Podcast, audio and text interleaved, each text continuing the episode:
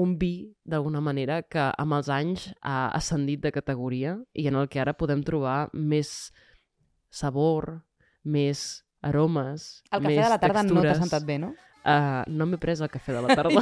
Això és el que està passant, vale. Us donem la benvinguda a un nou capítol del Sopa de Miso. Hola, Adriana Díaz, com estàs? Hola, molt bé. I tu què tal, Mariona Borrull? Doncs bé, primaveral i preparadi per Ai, sí. tornar a la càrrega. Recordeu que l'últim capítol ens vam quedar amb les ganes de parlar sobre aquests animes que només pots entendre quan ets gran o només mm. pots saber valorar quan ets gran i crec que avui és l'oportunitat de rematar aquest tema. De tancar aquest tema, no? De fer una segona part, allò, pim-pam. Pim, Primera pam. part, segona part. Toma-la, casitos. Una mica o capítol del Conan, no? Per tu, per dos. I ho havia de proposat, posar. m'he proposat fer falca en tots els capítols.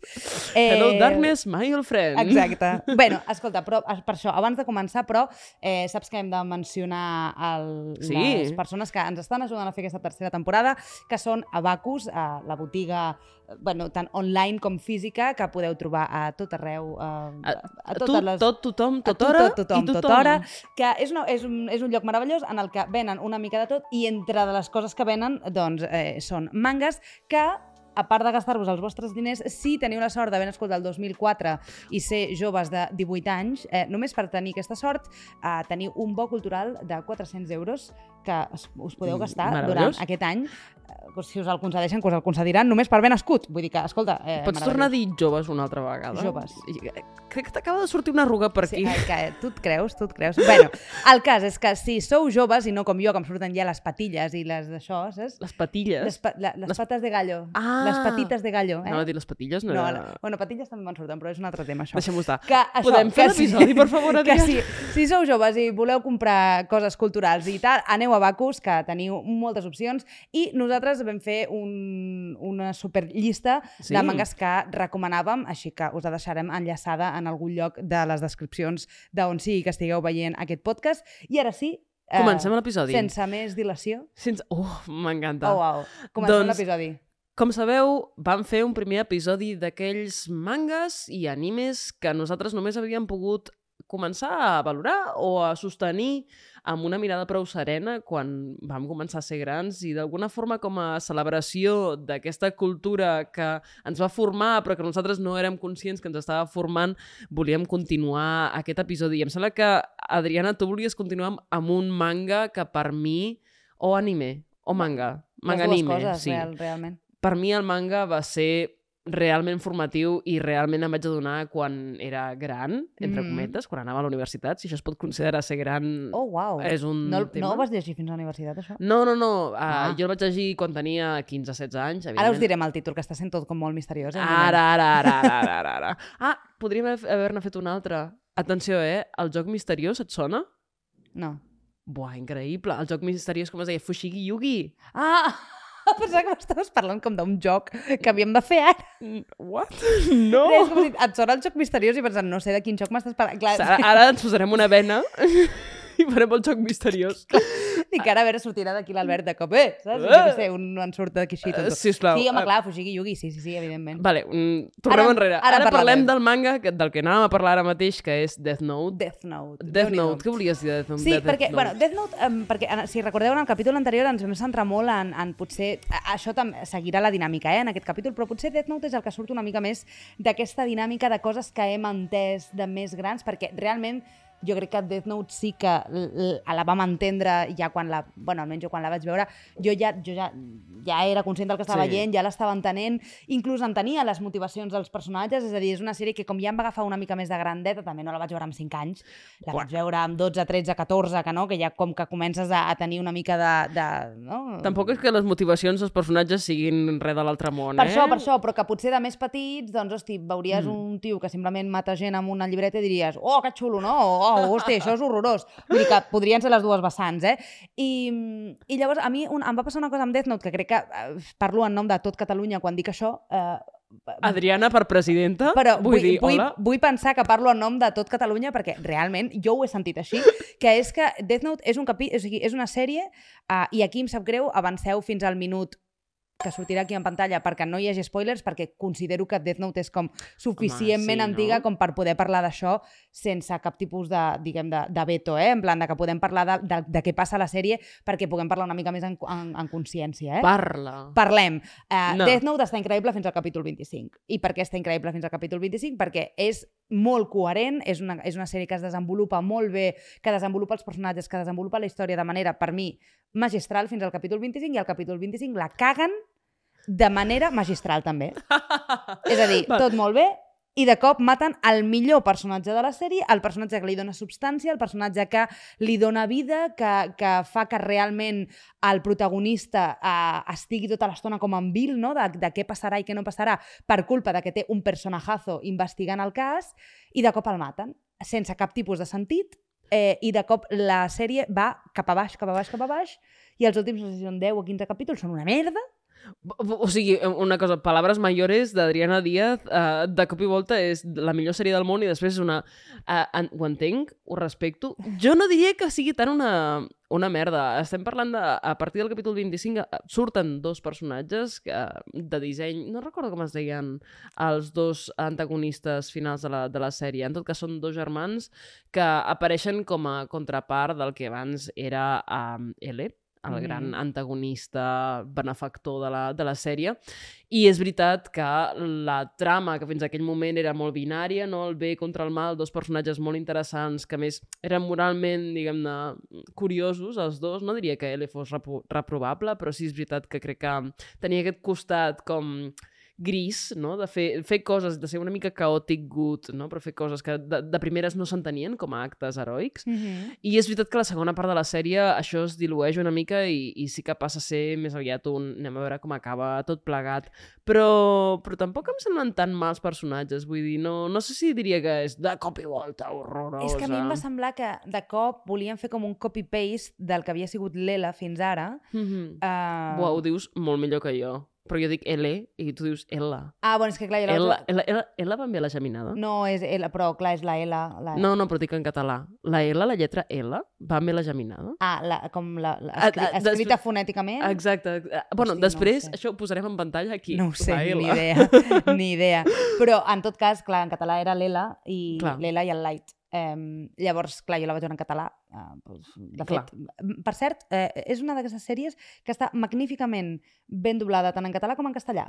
Mhm. Curiosament són els mateixos actors en català que en castellà, però... Ah, vaja. Es, es canvien els papers, eh, però vull dir, no són els mateixos, vull dir... Ah, Sí, interessant. o sigui, el mateix que fa el Light en, cata en català no el fa en castellà, però són els mateixos actors, però, però capgirats. És bastant graciós. Tu saps que hauríem d'entrevistar a les persones que han fet de Light i de Kira algun dia en directe al Sopa de Miso? Seria Quedeu avisades. Eh, Seria, seria molt xulo. Ah, Uh, doncs això, no, que a mi el que em passa és que uh, els personatges que van venir després de la mort de, de l'Ela van ser com un, uns, o sigui, són, Un van ser plus. eles de Mercadona, o sigui, no eren eles marca blanca, saps? Cuidao, que Literalment, Mercado, perquè a més Mercadona tenen- i no ens està pagant aquest episodi No, i, i bastant però- en contra. No, però, però a més a més, vull dir, eren literalment marca blanca perquè tenien el cabell blanc i tot, eh? O sigui, eren eh, el, el, Marca el blanca de marca blanca, literal. Eh, llavors, eh, Bosque verde. Sí, exacte. O sigui, mm, literalment per mi era, era com la sèrie, a part de que el, el personatge, diguem que perseguia el protagonista, perquè recordem que el protagonista és un senyor, bueno, és un senyor, és un nen d'institut que es Té troba... ànima de senyor, eh? Sí, és, és un viejoven. Eh, és, un, és un noi d'institut que es troba una llibreta que, que posa Death Note i resulta que és una llibreta que, eh, recordant el nom i l'aparença d'una persona, la pot matar només escrivint el nom a la llibreta. Eh, que comença amb una motivació que dius, ah, bueno, no? En plan... Puc entendre que vulguis Puc- matar gent perquè estàs enfadat amb el món. No, però al final la seva motivació inicial és vaig a matar aquesta gent com superdolenta, a violadors, a assassins, a tal... No, vull dir, com que al, al principi inclús ho pots entendre, no? No, no dic compartir-ho, però bueno, ho pots entendre, de dir, vale, tu t'estàs agafant la justícia per les teves pròpies mans, però és veritat que després se li va la pinça. O sigui, arriba un moment que el Light se li va la pinça i aquest moment que se li va la pinça és a partir del capítol 25. Llavors, clar, juntes amb que el que semblava que estava com bastant ben cohesionat, que era una, una història que deies, vale, on arribarà, on arribarà, on arribarà? Jo crec que ni tan sols els, els mateixos mangakes van saber com acabar això i van dir, ah, toma pel cul, uh, això mateix, saps? En plan, que se li vagi la pinça, que l'agafin ja mm, boig perdut, perquè al final el que li passa és que l'acaben convertint en un psicòpata Perdó, havia que- entès boig per tu. Boig per tu, Boig t'imagines? per tu. Eh, llavors, que- Clar, jo crec que el, el, el problema va venir en què es va juntar eh, com aquesta davallada del Light sent psicòpata perdut, eh, perquè els guionistes clarament no van saber acabar la seva història. Jo tampoc, jo dic, i parlo com, jo no sé com l'hagués acabat, eh? però a mi, m'estava, o sigui, a mi era una història que m'estava agradant molt i al final vaig sentir que era com superbàsic com ho havien acabat. No sé si té com gaire sentit el que dic, però per mi era com, no té xitxa això, m'heu donat molta xitxa i ara de cop me l'heu tret tota la xitxa. Molta saps? xitxa i poca xitxa. I de cop res de xitxa. I a sobre em poseu un personatge que l'únic que li donava una mica de substància i de gràcia era l'Ela, i de cop me'l mateu i poseu un tros de quòniam, que diria... A, Dos a, trossos saps? de quòniam. Dos trossos de quòniam. Eh, no, a mi no em va fer... No, no. I Jo- crec que és una cosa que amb el temps com que ho he, ho he anat processant i llavors és una sèrie que hagués pogut revisitar més cops i no l'he revisitat perquè... f- O la revisito fins al capítol 25 i ja està. Està bé. Si no heu volgut saber què en pensàvem de Death Note, ara és el moment de reincorporar-vos. Bona tarda, com parlarem- esteu? Exacte, parlarem d'una sèrie que és uh, totalment diferent, que és Shin-Chan. Okay, aquí Shin-chan. traiem els punts. Shin-Chan jo crec que és un d'aquests vins que ha envellit bé a la bodega, amb el temps, amb la distància, un fenomen popular que per fi es pot començar, estic parlant molt a prop del micro perquè això sigui íntim. ASMR. Exacte, no, eh, és com, sí, exacte, per què no? Uh, un vi, d'alguna manera, que amb els anys ha ascendit de categoria i en el que ara podem trobar més sabor, més aromes, El cafè més de la tarda no t'ha textures. sentat bé, no? Uh, no m'he pres el cafè de la I tarda. vas, això és el que està passant, vale? Shin-Chan. Shin-Chan, una sèrie, recordem, que va fer que uh, el partit de Convergència i Unió aquí a Catalunya, liderat per Jordi Pujol, Oh, atenció, Uau, uau. l'any 2003 eh, fes una moció de censura i demanés que traguessin la sèrie de l'horari infantil. Recordeu que es projectava, s'emetia a la tarda, a TV3, i eh, la posessin en horari adult. Que dius, qui, qui, què? Com? Uh, I una sèrie que va fer que, en resposta a aquesta petició de Convergència i Unió, el PP negués Uh, o sigui, es negués a moure Shin-Chan de l'horari infantil i, per tant, el PP demanés expressament que Shin-Chan estigués a més a les 5 de la tarda quan els nens sortien de l'escola.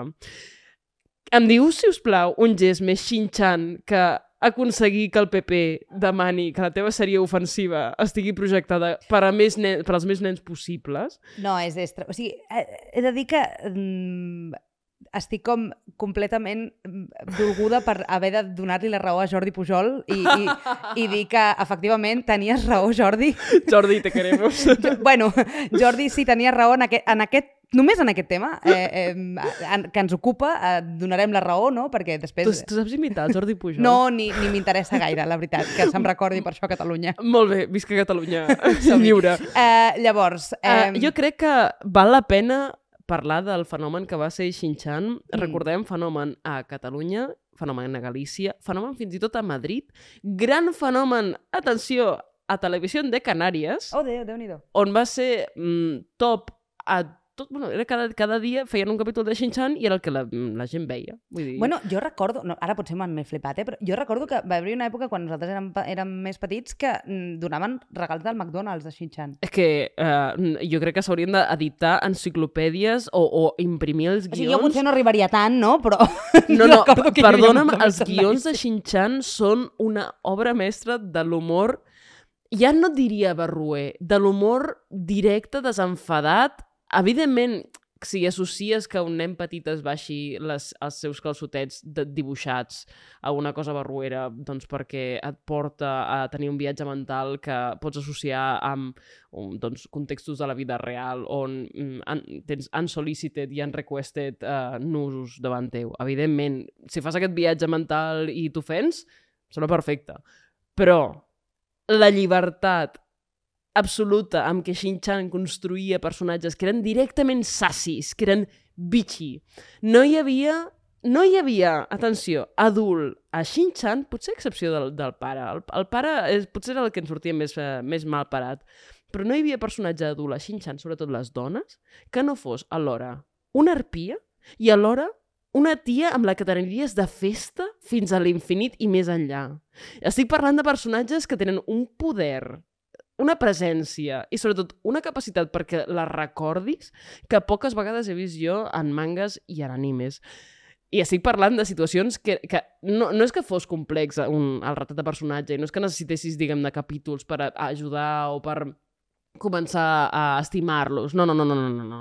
Estem parlant de personatges que des del minut zero ja eren icònics. Eren reines totes. I jo per veure RuPaul i dir que RuPaul és una reina i tot el que tu vulguis, o per veure Succession, no? I dir, ai, mira, quin bon retrat, no?, de la, aristocràcia eh, caòtica i tal. No, no, perdona'm. Abans, Shin-Chan. Shin-Chan, reina del caos. Atenció, perquè és que qualsevol capítol de Shin-Chan que agafis, qualsevol, fins i tot els, de, els dels avis, que eren com els més qüestionables, perquè els avis eren realment super misògins, eren en plan de com un, uau, tu t'has visto? Mm -hmm. Fins i tot els dels avis, els avis acaben sent castigats per, per, per la seva pròpia intrascendència. Vull dir, no dic que sigui una sèrie moral, no m'interessa que sigui moral. El que m'interessa és que s'expressa clar, s'expressa directe i arriba directament, jo crec, a l'estómac. T'agradi o no, i jo crec que això és la gran perla de... Uau, t'acabo de fer el míting polític aquí, Sí, eh? no, sí, sí. Bueno, per, per sort, per sort d'aquest carro no em baixaràs, és igual el que em diguis, perquè allò, Shin-Chan és una sèrie que eh, vull dir, puc entendre tot el que expliques, perquè, evidentment, vull dir, la realitat és, és allà i, per tant, entenc que és una sèrie eh, que clarament eh, de, de nou, estem d'acord amb Jordi Pujol, no és una sèrie per nens, llavors no entenc en quin moment els, els directius de, de TV3 o del Super 3 d'aquell moment van dir ah, sí, aquesta sèrie Però d'un és nen... una sèrie per nens. No, és, una sèrie, és Mariona, una sèrie per no, nens. No és una sèrie per nens. O Una sigui, cosa, hauríem- m'estàs dient que és eh, amb, amb, amb personatges supermisògins, amb nens que eh, són maleducats, perquè són nens maleducats, són nens que moltes vegades tenen cares adultes. Però un, perquè són- una cosa, crec que hauríem de començar a confiar en, en que les criatures tenen també criteri i tenen pares, sobretot, que les poden acompanyar en veure coses Clar. que poden ser per Clar, nens. per això, llavors, per, per això, eh, precisament perquè no és una sèrie per nens, jo era d'aquestes nenes que ma mare no em deixava veure Shin-Chan. Però no, no vol dir que no sigui una sèrie per nens, eh? Vol dir que tu, com a criatura, has de tenir prou acompanyament adult com perquè mm, el que vegis ho posis so sobre el filtre de, de bueno, doncs anem a parlar de, del que acabem de veure, però això se'n diu mediació però, bàsica, no? no... però, però, vull dir, sí, però, o sigui, ni, ni, ni calvo ni con tres peluques. És a dir, em, Vale, eh, perdó. clar, Ha quedat, a més, expressió molt xinxant. Clar, dir, Molt xinxant. Però una cosa és que tu em diguis, eh, vale, doncs anem a parlar de per què està malament que eh, el Kogoro li demani a la Ran, una nena de, de 17 anys, que li faci el menjar cada dia i li cuini, no? O, o sigui, i li planxi la roba i li endreci la casa i tal, per què està malament això? O què passa perquè la mare de la Ran està absent? Saps? Vull dir, una cosa és parlar d'aquestes coses i una altra cosa eh, i estem parlant d'una sèrie d'assassinats, eh? Vull dir, estem parlant de personatges amb una sèrie d'assassinats. Però aquests comportaments, són, o sigui, els comportaments dels adults del Conan, per exemple, són més fàcils de justificar, trobo jo, eh?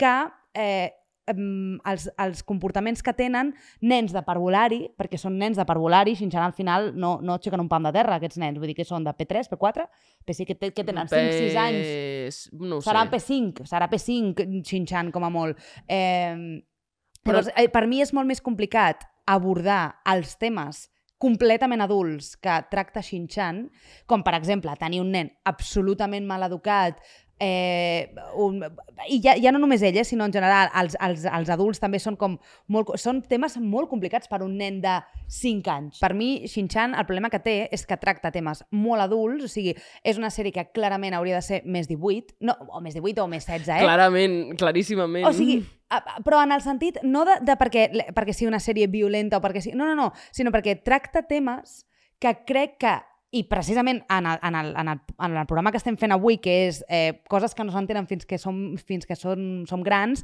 eh, és una sèrie que no s'entén de petit. Sí, s'en- s'entén perfectament. El que passa és que has d'entendre que... Has d'entendre, mai més hem dit, que es pot discutir i s'ha de discutir, però això no vol dir que un nen petit no pugui, no pugui gaudir. És, eh, crec que les xifres parlen per si soles i, de fet, crec que això no resta en absolut res de la qualitat humorística, còmica, evident de la, de Però la sèrie. els nens, jo recordo quan això es parlava al col·le, que jo sempre era la rara que no veia Shin-Chan, eh, els nens a Shin-Chan només els feia gràcia perquè caca culo pelo pedo pis, eh? És el que els fa gràcia als nens. Clar, però, però és que però, o sigui, jo lo que vaig és, si a un nen li fa gràcia una sèrie perquè caca culo pedo pis, però realment no està entenent res de la sèrie, aquesta sèrie no és per ell. Perquè no pots abordar temes amb aquest nen, perquè no entendrà el que és la misogínia dels avis. Bueno, però no estàs... entendrà el que és que el Shin-chan es tregui el cul i tal, i que després, quan ho intenti fer a la vida real, sa mare el, o el seu pare el, el renyi i digui ai, però és que això és el que fa el Shin-chan a la tele. Bueno, però aquí hi, ha, aquí hi ha tres temes importants. El tema número 1, que és classificar productes segons si s'entenen o no, que vol dir que si tu no entens el 100% d'una pel·lícula, que no sé què és ben bé entendre el 100% d'una pel·lícula, no estàs qualificat per veure-la, això em sembla mm, molt No, no, no. reduccionista. Però no, no, no o sigui, parlo, parlo de, dels Després- nens petits, eh? Ja, em segueix semblant reduccionista. Jo crec que eh, criatures podrien, haurien de poder veure qualsevol cosa. Number two, i aquí és la cosa, però, evidentment, acompanyades i tutoritzades, i després confiant en la intel·ligència de les criatures, que t'ho dic jo que he fet mediació, no és poca, la intel·ligència dels nens petits, i després confiant també en que tu seràs allà per acompanyar a la, a la criatura i parlar d'una cosa que em sembla que és perfectament comprensible, que és, i, i- i del- delimitable que és, que és la realitat, que és la ficció. Vull dir, estem davant d'una d'una sèrie... Però estàs confiant molt, llavors, eh? En, en molta gent. Uh, bueno, però això és una cosa que una sèrie no hauria de tenir en compte a l'hora de, clar, de fer-se. Però, I- però, i però per, ni- això, per això dic, vull dir, és una sèrie que no crec que s'hagués de posar en obert a les 5 de la tarda, que és quan tots els nens han sortit del col·le, precisament perquè estem confiant que hi haurà molts pares que estaran darrere per dir, ei, aquest capítol que acabem de veure, anem a seure a parlar de... Això no ho fa ningú, o ho fa molt poca gent. I aquest és el problema, però- perquè és una sèrie molt problemàtica molt problemàtica per criatures, no per adults. Els adults tenen capacitat de sobre de saber el que estan veient i a vegades inclús eh, ens mengem algunes actituds que després va- validem i hem validat fins fa, fins fa relativament poc que ens n'hem adonat. Saps el que et vull dir? Adriana, estic per treure'm el barret, ver... o sigui, per treure el barret, el barret vermell que tenim El barret que et vas posar l'altre dia. Exacte. Tenim per allà amagats perquè ens, hem, ens estem posant molt intenses. Sí, no, però ja està bé, perquè vull dir, tam també hem de veure que realment que no estiguem d'acord és una realitat. O sigui, no és només que, Ja, carinyo. que hi ha coses que, ah, no, és que no ens agrada aquesta sèrie, no, sinó que hi ha temes com en això en el que clarament doncs, no, no ens posem d'acord perquè jo defensaré el meu a muerte i tu defensaràs el teu a mort i crec que, no- no crec que una tingui més raó que l'altra, simplement són punts de vista. O sigui, Ah, no, jo crec que tinc més raó que tu, eh? No, doncs jo també crec que tinc més raó que tu, no te puc... Clar, és que... Home, per favor. No, però és veritat, vull dir, crec que són punts de vista i que són opinions. Eh, és, jo, jo he exposat el que jo penso, tu has exposat el que jo penso. Si jo estigués al govern ho faria una manera i si tu estigués al govern ho faries una altra. Faries clar. un Jordi Pujol. Jo faria un Jordi Pujol, per Adriana, desgràcia. faries un Jordi... Espero, si us plau, que l'Albert estigui posant la cara de Jordi Pujol aquí. Visca Catalunya. Tornem-hi. Eh, No sé si tenim temps de parlar de res més, perquè nos hemos eh, como embalado Sí, mitja hora mira de que parlar de a- a- havíem, havíem dit, va, farem només quatre perquè tal. Jo, si anem molt ràpidament, a mi m'agradaria simplement per, per, fer, per fer un últim apunt així com molt ràpid. Hi ha coses que no vam entendre de, de petits, com per exemple Inuyasha, que n'hem parlat, realment s'ha parlat poc. L'hem mencionat alguna vegada aquí en el podcast, però no hem entrat mai en profunditat. Ara que la tornen a fer pel Super 3 en català, que per cert jo avui he dinat veient Inuyasha en català i és Quina meravellós. fantasia! És superguai tornar a veure Inuyasha en català. Eh, una cosa que jo no vaig entendre de petita i que realment quan l'he revisitat de, de gran m'ha agradat molt... Podem dir que- valorar més que entendre? Sí, bueno, que jo, sí, o que, sí, que potser no vaig arribar com a, sí, a valorar, eh, va ser que realment la Kikio no era dolenta.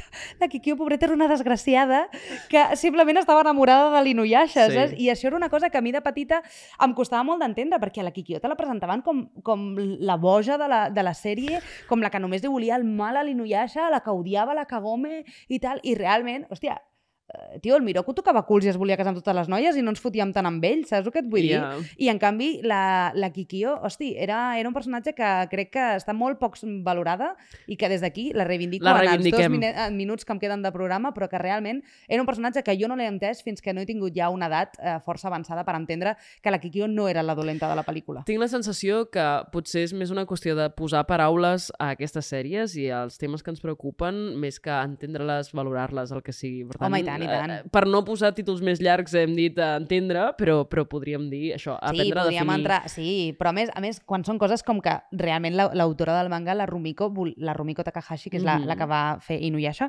eh, ella volia que acabessin la Kikyo i l'Inuyasha junts. El que passa és que quan va entrar la, bueno, quan va entrar la Kagome en el primer capítol, es veu que tothom es va enamorar de la Kagome, tothom era super pro Kagome, i al final la tia va dir, bueno, pues ja està, pues Pues ja, contents vinga. els fans i a tomar pel cul la Kikyo i que es quedi amb la Kagome. O sigui que des d'aquí reivindiquem Kikyo, eh, t'estimem. T'estimem. Ets, ets genial i ens encantes. I Rumiko, tu també. I Rumiko, tu també, no passa Sí, res. T'entenem. La jo- pressió dels fans és tremenda. Jo recordo Scott Pilgrim, uh, llegir els còmics, veure Ramona i pensar no sé si estic ok amb que Scott estigui tan enamorat de Ramona, em sembla una mica problemàtic. Mm. I, en efecte, vaig aprendre amb el temps a valorar més a Kim Pine que, que Ramona, la, la Kikio de Scott Pilgrim. És així. Jo crec que ho podem deixar aquí. Recordar-vos, eh, nois i noies, nois, que teniu la nostra llista de recomanacions per comprovar, per consultar a la web de Bacus i a les botigues en físic, per si voleu gastar-vos el vostre bo cultural de 400 fucking euros eh, en cultura, en els mangas que nosaltres hem recomanat o en qualsevol d'altres. Us esperem la setmana que ve.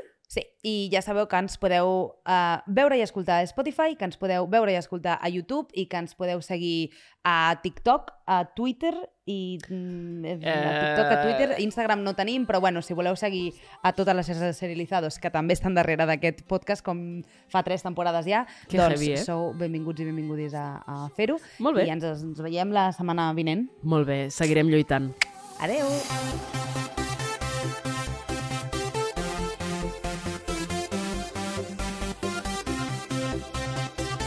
Converses de, de persones adultes. Va, 3, 2, 1... Ui.